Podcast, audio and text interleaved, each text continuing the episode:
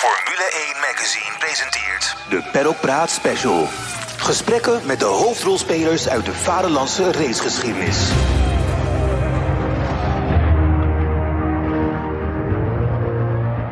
Hallo en fijn dat je luistert naar een nieuwe special van Paddock Praat, de podcast van Formule 1 Magazine. Mijn naam is Sjaak Willems en samen met mijn collega André Vedema praten wij met Nederlandse coureurs over hun pad in de autosport.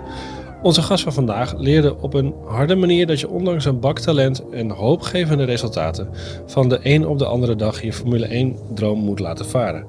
Een grote tegenvaller, maar daarna ontwikkelde Renger van der Zanden zich tot inmiddels een veelgevraagd endurance specialist. Hij won twee keer de 24 uur van Daytona en leeft een race bestaan dat hij niet meer zou willen inruilen.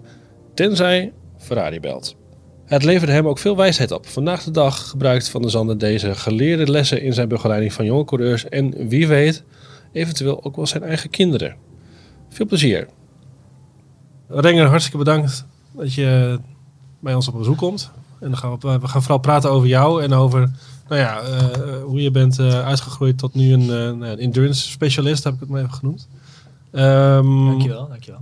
André zit hier naast me, André Vedema. En we beginnen eigenlijk altijd eh, met de vraag, André, waar denk jij aan als je als eerste aan als je aan, eh, aan Renger van der Zanden denkt? Dan denk ik aan een eh, gesprek dat ik eerder dit jaar had met, eh, met Michel Peridon. Jou wel bekend. Mij bekend inderdaad. Die, die, hij, hij vertelde mij van, eh, hij is sponsor van jou geweest. Hij zei van, hij, we waren aan het praten en hij vertelde wie die allemaal, welke coureurs hij allemaal gesponsord had. En toen zei hij bij Renger, bij jou, zei hij van, Renger van der Zanden, die moest ik sponsoren. Want iedereen vertelde mij, dat is de nieuwe Michael Schumacher. Oh, echt? Ja. Wat goed om te horen. Michael Schumacher, ja. Ja. Heb je het toen niet gehoord? Had je, heeft, je- heeft- nee, heeft hij mij nooit verteld. Maar ehm, nee, eh, ja, mee, ik, eh, ik, heb, ik heb, als ik heel eerlijk ben, ben eh, gemixte gevoelens als ik de naam eh, Michel Peridon hoor. Ehm, daar kunnen we best wel wat langer over praten. Maar, eh, maar ik vind het har- hartstikke leuk dat hij dat heeft gezegd in ieder geval. Dat is een heel positief geluid. Ja, maar begrijp je waarom hij dat heeft gezegd? Want jij was toch ook een. eh, de Formule 1 die longte. Heeft heel lang voor je gelongd. Ja, zeker weten. Ik had toevallig ook vandaag een gesprek erover. En, ehm, het is natuurlijk zo, je, je hebt een doel. En het is als klein jongetje, kijk je naar de Formule 1, had je vader op de bank. Je ziet die dingen rijden en je denkt, wauw, dit is het mooiste wat er is. Dat, hè, dat de passie gewoon begint te leven in zo'n klein jongetje. Dat had ik ook. En eh, mijn vader heeft wel een beetje geraced op amateur- amateurniveau. Maar die zei van, ja, eh, racen, forget it, gaan we niet doen. Eh, kan ik niet betalen en is veel te moeilijk. om die weg er naartoe te bewandelen. En daar heeft hij ook gelijk in achteraf. Eh, maar we zijn toch een beetje die kant op gegaan. En toen kwam ik op een gegeven moment in de Formule 3 auto terecht. Eh, twee jaar lang eh, in de Euroseries Formule 3 tegen Hulkenberg, Bianchi, Ja. Bottas. Ja. Al die types waar ik tegen reed. En toen moest ik de volgende stap maken. En dat was de stap dat ik met Peridon... ehm, dat hij me twee jaar een beetje ondersteund heeft. En dat de stap moest maken naar Formule 2, wat toen GP2 was. En dat, die stap zou ik samen met Michel Peridon maken. Daar, vlak voordat het seizoen begon, trok hij zijn keutel in, zullen we zeggen. Dus dat was eigenlijk voor mij het einde van de weg naar de Formule 1 toe. Ehm, dus daarom zeg ik, eh, aan de ene kant heeft hij me geholpen, aan de andere kant was dat wel een heel pijnlijk moment voor mij. Omdat daarmee, eh, en dan moet ik erbij zeggen dat dat het moment was dat de crisis uitbrak in 2008. Dus financieel zei hij van ja, ik weet niet waar ik naartoe ga met, de, met het bedrijf Ja, en dat soort ja. dingen. Dus eh, tweedelig eh, als ik zijn naam hoor. Ja. Maar dat is, dus, dat is dus bepalend geweest. Is dat, wringt dat nog steeds? Dat, eh, of heeft dat, heeft dat gevrongen dat je gewoon op basis van geld eigenlijk nooit die laatste stap hebt kunnen maken?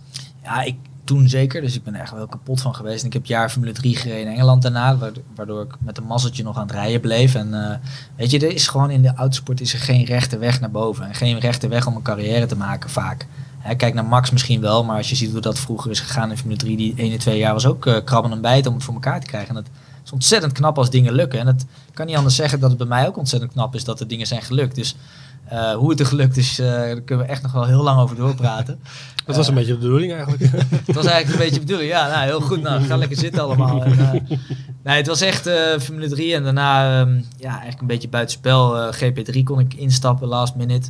En toen in één keer in 2011 zat ik in een DTM-auto voor Mercedes.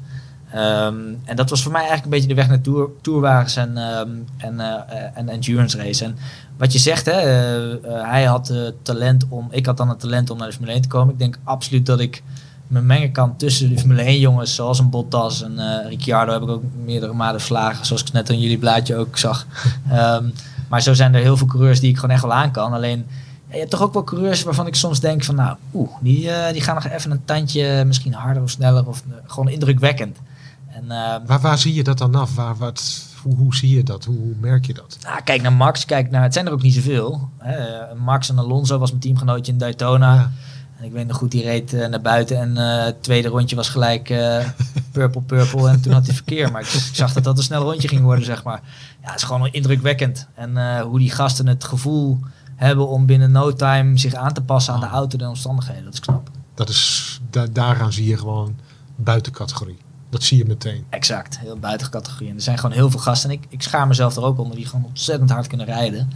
Ehm, ik heb ook veel, veel andere capaciteiten die andere coureurs niet hebben om in bijvoorbeeld zo'n endurance racerij goed voor de dag te komen. En dan heb je het over meedenken voor strategie, slimme keuzes maken op de baan met verkeer, hè, langzamere auto's inhalen en eh, ingehaald worden. En gewoon slim nadenken over je.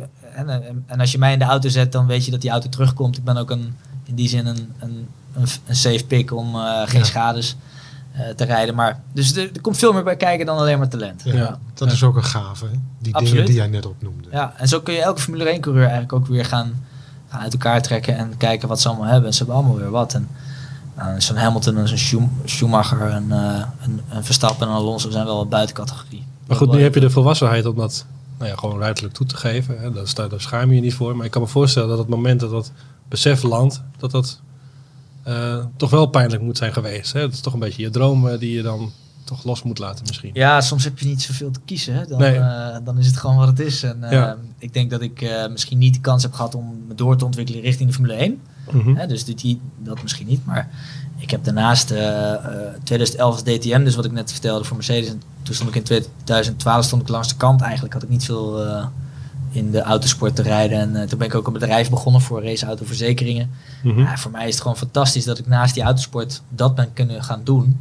En door die verzekeringen ben ik ook weer in heel veel teams, met veel teams in gesprek gekomen over racen. Die zeiden van, maar race je dan niet meer, wil je bij mij inkomen stappen? En zo is het hele balletje weer gaan rollen 2012, 2013, 2014. En toen ben ik in Amerika aan de bak gekomen. Dus het is, Ja. wat ik zeg, iedereen heeft zijn eigen pad. Ik ben heel blij met mijn pad, absoluut. Ja, ja. Nou goed, even terug naar het begin. We beginnen altijd ook wel, eh, naast de vraag aan André, ook met de vraag: wanneer was het, wat was het moment dat jij eh, besmet raakte eh, met het idee: ik ga coureur worden? Weet je dat nog? Ja, zeker.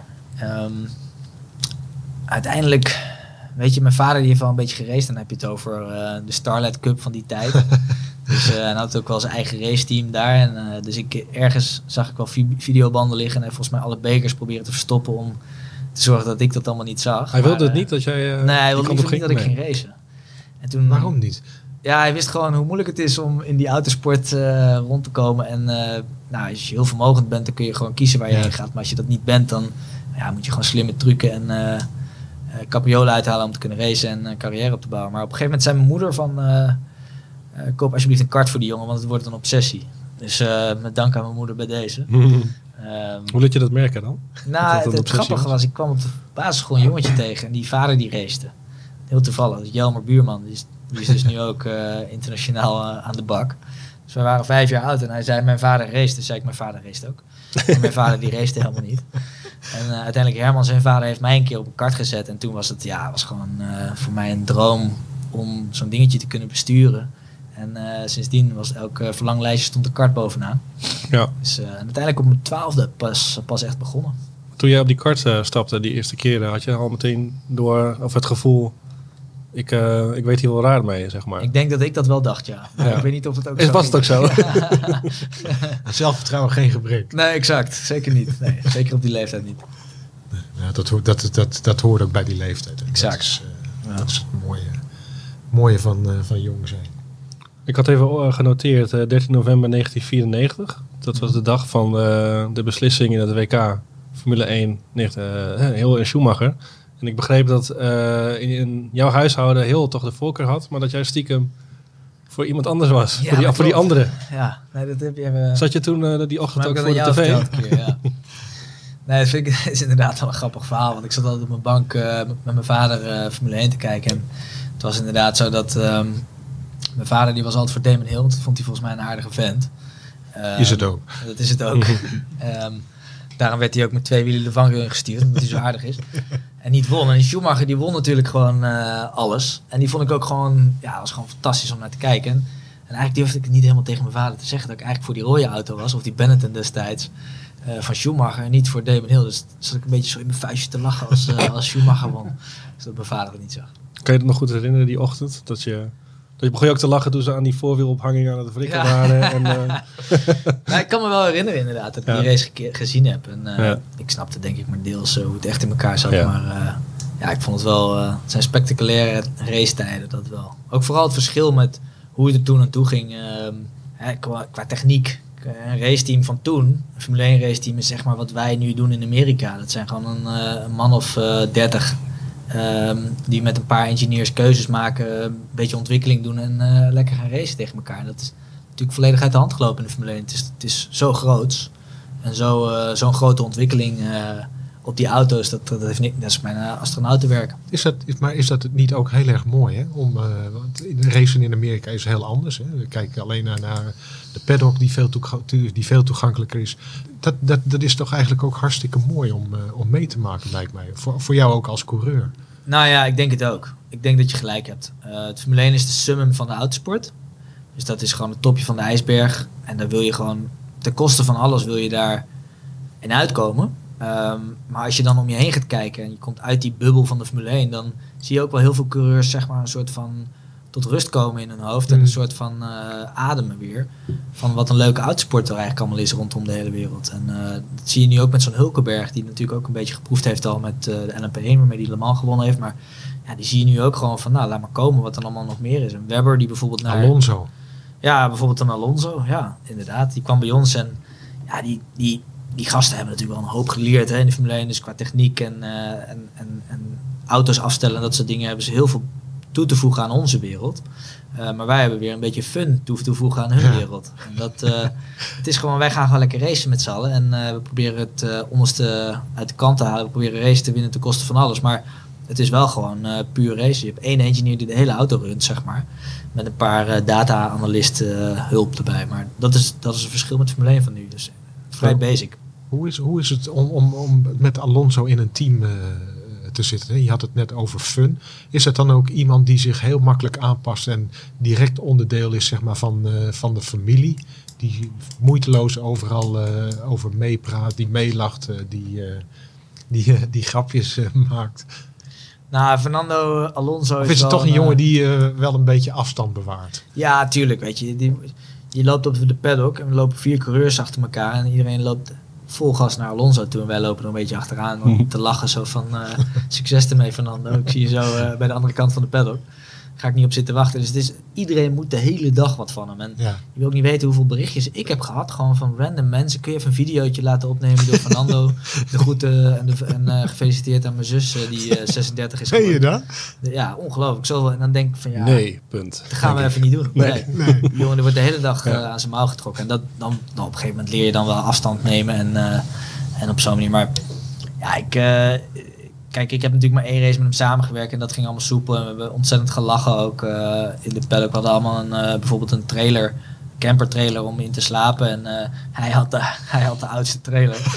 dus hij sliep echt in een oud hok. En wij hadden allemaal zo'n fancy Amerikaanse camper. Wie had het bedacht? ja, dat weet ik ook niet hoe het tot stand kwam, maar ik kon er erg hard om lachen en wij allemaal en hij eigenlijk ook. Dus allemaal van dat soort, hè, bijvoorbeeld met handtekeningen sessies. Ja, er waren gewoon een hoop fans die op de foto wilden met ons, eh, wat, wat dan ook de bedoeling was. En eh, op een gegeven moment gingen we zo die fans op een, op een rug slaan en hij was de eerste die dan op een gegeven moment wat harder ging slaan. En, dus natuurlijk ook van dat soort jongens onder elkaar grijzen. En het is het ook, vindt hij natuurlijk ook geweldig om gewoon eh, te ouwe hoeren om zomaar. Maar aan de andere kant is het ook wel een persoon die ja, zo bloedfanatiek is dat hij zichzelf en het team een beetje voorbij kan lopen. En dat hebben we natuurlijk in de Formule 1 gezien. Maar ook bij ons, ja, weet je, elke sessie stond hij aan de pitwall, stond hij naast de engineer. Want we zitten met een hok aan de engineers, zitten op een hok, een, te- eh, ja, een soort van pitstand. Hmm. Ehm, en stond hij naast de engineer mee te tetteren. En ja, je zegt niet zomaar tegen Fernando Alonso van ga even lekker zitten. ouwe. Maar eh, dat was eigenlijk wel de boodschap. En ehm, dat, is, dat siert hem alleen maar dat hij zo fanatiek is. Aan de andere kant, wij reden maar één weekend met hem samen. Maar als je tien weekenden met hem moet samenrijden, dat is wel heel intens. Ja. Je zei dat eh, je ziet dat soort jongens dan wel ontdooien als ze bij ons eh, eh, binnenkomen. Zag je ook echt een verschil van het moment dat hij binnenkwam tot nou ja, de overwinning, zeg maar. Hè? Dat, dat, het werd rustiger. Dat, zo iemand is dan meer een van de jongens uiteindelijk. En Scott Ja. Dixon heb je bijvoorbeeld ook meegereden. Dat is natuurlijk ook een enorme... Ja, bijvoorbeeld. ster. ja, nee, ja, Kobayashi is een topvent. Ik Ja. heel goed met. Die ken ik ook al vanuit de karting. Dus die Oké. ken ik al heel lang. Eh, en Fernando, eh, ja, we gingen onze eigen gang daarna eigenlijk gewoon. Ja, maar, oké. eh, Ja. Nee, het was absoluut een relaxe sfeer en, en prima. En ik heb nog steeds contact ook met, met allemaal. Dit jaar had ik bijvoorbeeld Scott Dixon als teamgenoot. Dus een IndyCar kampioen. Nou, dit is zo'n gave gast. Ja. En zo'n menselijk mens. En ook nog de, een van de beste, succesvolste coureurs in de wereld.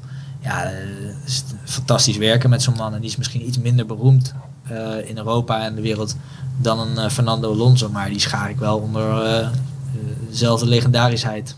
Zijn, zijn de omgangsvormen en normen in Amerika anders dan bijvoorbeeld in Europa? Ook Ja, met, met ja. onderling, met, met, met, met de coureurs? Ja, absoluut. veel, veel respect. Ik heb ook het idee dat mensen elkaar veel meer gunnen daar. Natuurlijk proberen we allemaal te winnen en zo, maar na de race is het wel ook gewoon een vriendelijke. eh, ja, we weten gewoon allemaal wel wat we meemaken in die auto, wat we doormaken. En vooral in die IndyCar paddock merk je dat ook, want die gasten die, die waren echt hun leven.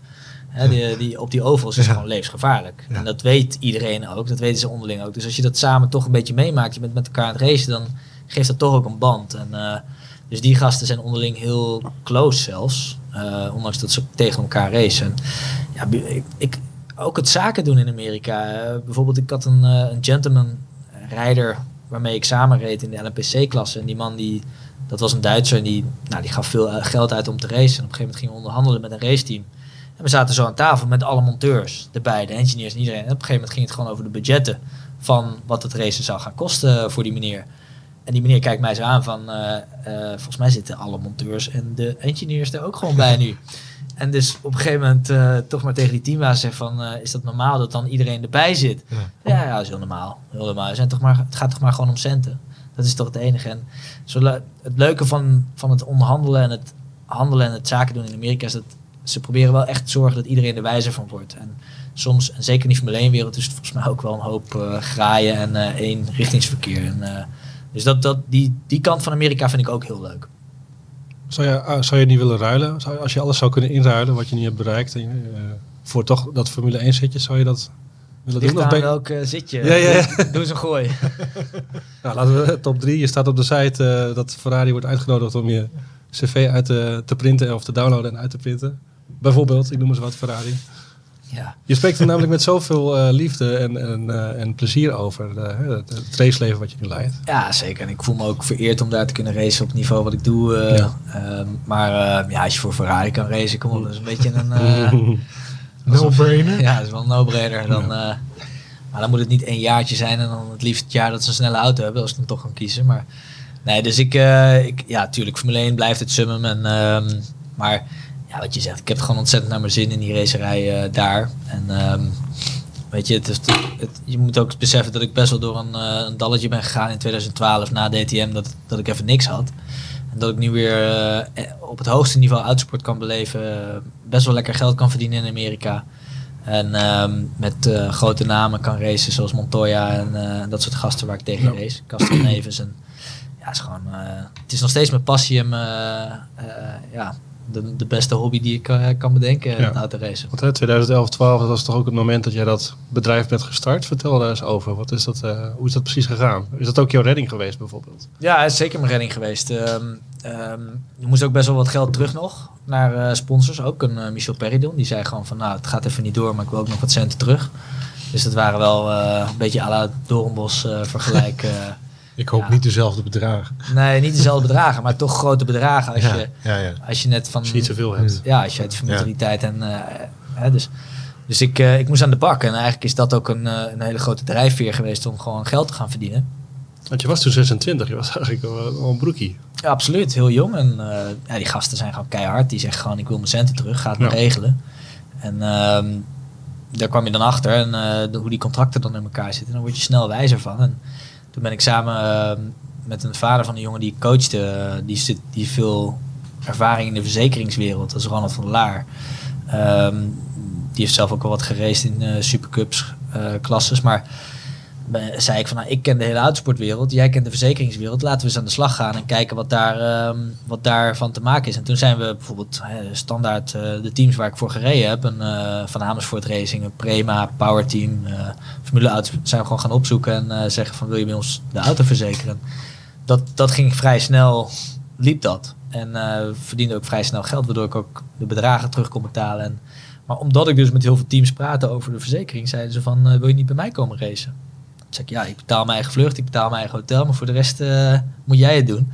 En toen eh, weet ik nog goed, toen Paul Ricard uh, eerste keer met de SLS, ik had natuurlijk een band met Mercedes in de DTM opgebouwd. En zij hadden een Mercedes GT3 SLS. En dat was een customer team. En die, die auto zette in Kapol en ik, ik reed snel als de rondetijd. En het was allemaal weer nadat ik een heel tijdje niet geraced had. En toen ja, zei ze van, nou, misschien moeten we die van de Zanden maar eens vragen voor Macau. En dat was een, een soort WK voor GT's in Macau, mooi circuit. Daar werden we tweede. Dus ja, het- uiteindelijk is het dan ook op de prestaties dat je het daarvan moet hebben om verder te komen. En toen werd ik weer in Amerika gevraagd. En ik weet nog goed, ik had, eh, ik had nog 2.500 euro op mijn rekening staan. En eh, toen werd ik gevraagd of ik in Amerika wilde racen. Toen zei ik nee. En dat was een eh, circuit, Laguna Seca. Een van de circuits waar ik heel graag nog een keer wilde rijden. Omdat bijvoorbeeld met Jelmer Bierman vroeger op de Gran Turismo game heel vaak ge- gereden heb. Ehm, en toen zei ik van ja, ik kan niet man. En eh, ja, ik moest alleen mijn eigen vlucht en hotel betalen. Ik zeg nou, als jullie het hotel doen, doe ik het vluchtje. Dat is 1500 euro. Dan heb ik nog 1000 euro eh, om boterhammen van te kopen. Ehm, gaan we wel redden ongeveer, een beetje. En toen eh, naar Amerika gevlogen. En sindsdien is mijn Amerika-traject eh, losgebarsten eigenlijk. Zo durf ik het wel te zeggen. En, Wat gebeurde er tijdens die race eigenlijk? ik zette hem op de tweede plek in de Mhm. kwalificatie. En eh, volgens mij ging er wat mis in de pitstop, waardoor we niet veel eh, vooraan starten. Of eh gefinished zijn, maar ehm, ja, het was wel gelijk een mooie binnenkomer. En het team waar ik toen voor reed was Dragon Speed.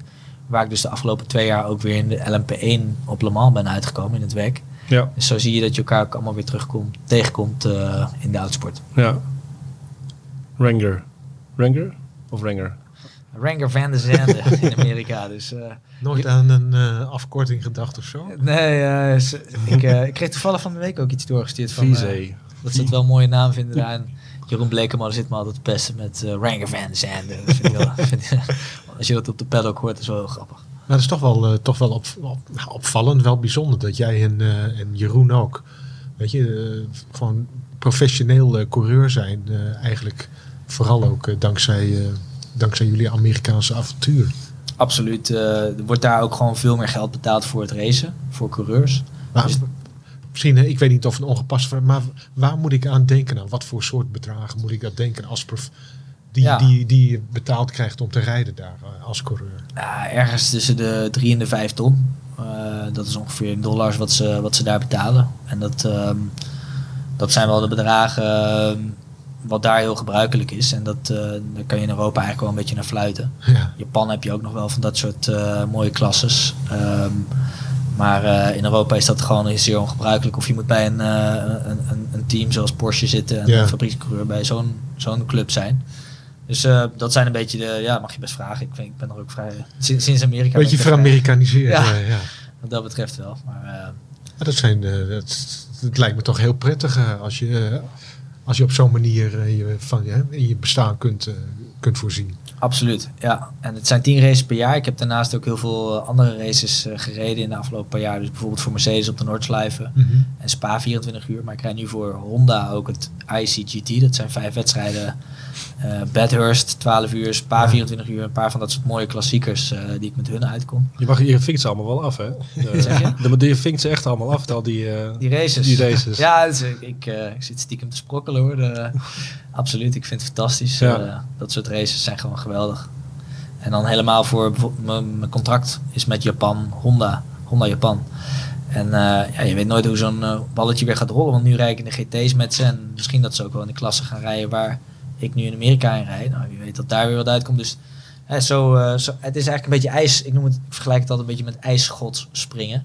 Van de ene ijsschots naar de andere. En eh, het is een soort van overleven. Maar ik, ik ben wel op het punt in mijn carrière dat ik ook eh, Kunt, kan kiezen waarschijnlijk. ja, of af moet zeggen eigenlijk. Ja. Dat anderen zeggen van je wil niet dat je veel meer bij gaat doen dan dit. Want ehm, Wat meer eisen stellen wellicht. Exact, ja. En dan, eh, als het aan mij ligt, zit ik elke weekend in die raceauto. Maar dat, eh, ja, op een gegeven moment is dat ook eh, onverstandig. Is het heel zwaar, altijd op en neer reizen, het leven, het vele reizen? Je hebt, een, je hebt een gezin. Is dat heel zwaar of valt het mee? Nou, weet je, de, ik krijg wel vaker die vraag. En ik heb natuurlijk een vrouw die ontzettend meegaand is en ook weet hoe het zit. hoe moet, dit- moet ook wel, hè? nou. Ja, met jouw bestaan.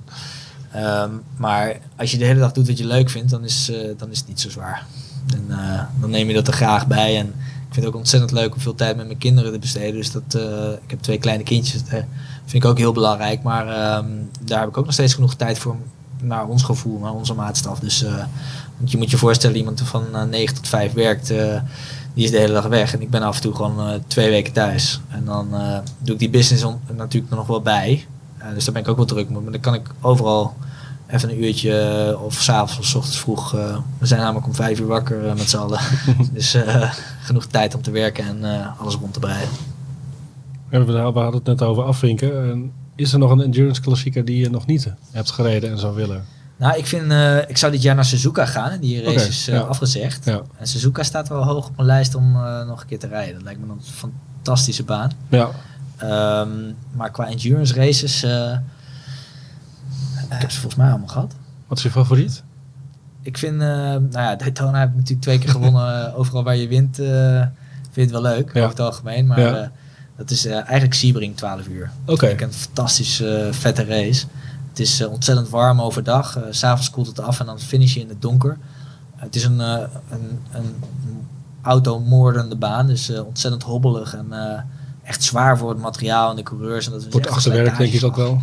Zeg je? Voor het achterwerk denk ik ook wel. Ja, inderdaad. Ja, nou, valt wel mee hoor. Maar het is meer gewoon je nek moet goed. Je moet echt goed getraind zijn om daar goed te kunnen presteren. Ja, het is gewoon een. eh, ook de sfeer op de paddock te komen daar. Het is tijdens springbreak in Amerika. Dus die, ja, al die idioten die daar eh, met hun camper. Woehoe. Ja, precies. Dus, komen allemaal in pakken en eh beren pakken, apen pakken. Het zijn echt de idioten uit Amerika komen daar allemaal heen. Het is een geweldige sfeer. En ik heb ook bijvoorbeeld een keer in eh, turn 3 zei ik, er staat hier een boot. En ze dachten dat ik gek was. Dus we gingen kijken en er stond er inderdaad een boot. Had iemand gewoon zijn boot meegenomen om daarin te slapen die, eh, die, die week, weet je wel. Dat is het gekkigheid. Dus eh, nou ja, hartstikke mooi. En 24 uur Noordslijf is natuurlijk ook een hele geweldige. En Ja, ook echt een aanrader om een keer te gaan kijken. Want ook daar gebeurt een hoop gekkigheid tussen met dat is ook een soort carnaval inderdaad. Hè? Absoluut, ja. Ja. Is dat, is dat ook de leukste baan? Dus de, een hele vette baan.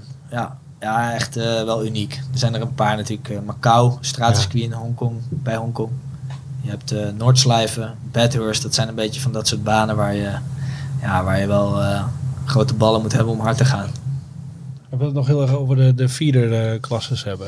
En op een gegeven moment ging je van de kart, ging jij de F3 in. En je zei het net al, je reed dan onder andere tegen de Hulkenbergs en de Grosjeans van, van deze wereld.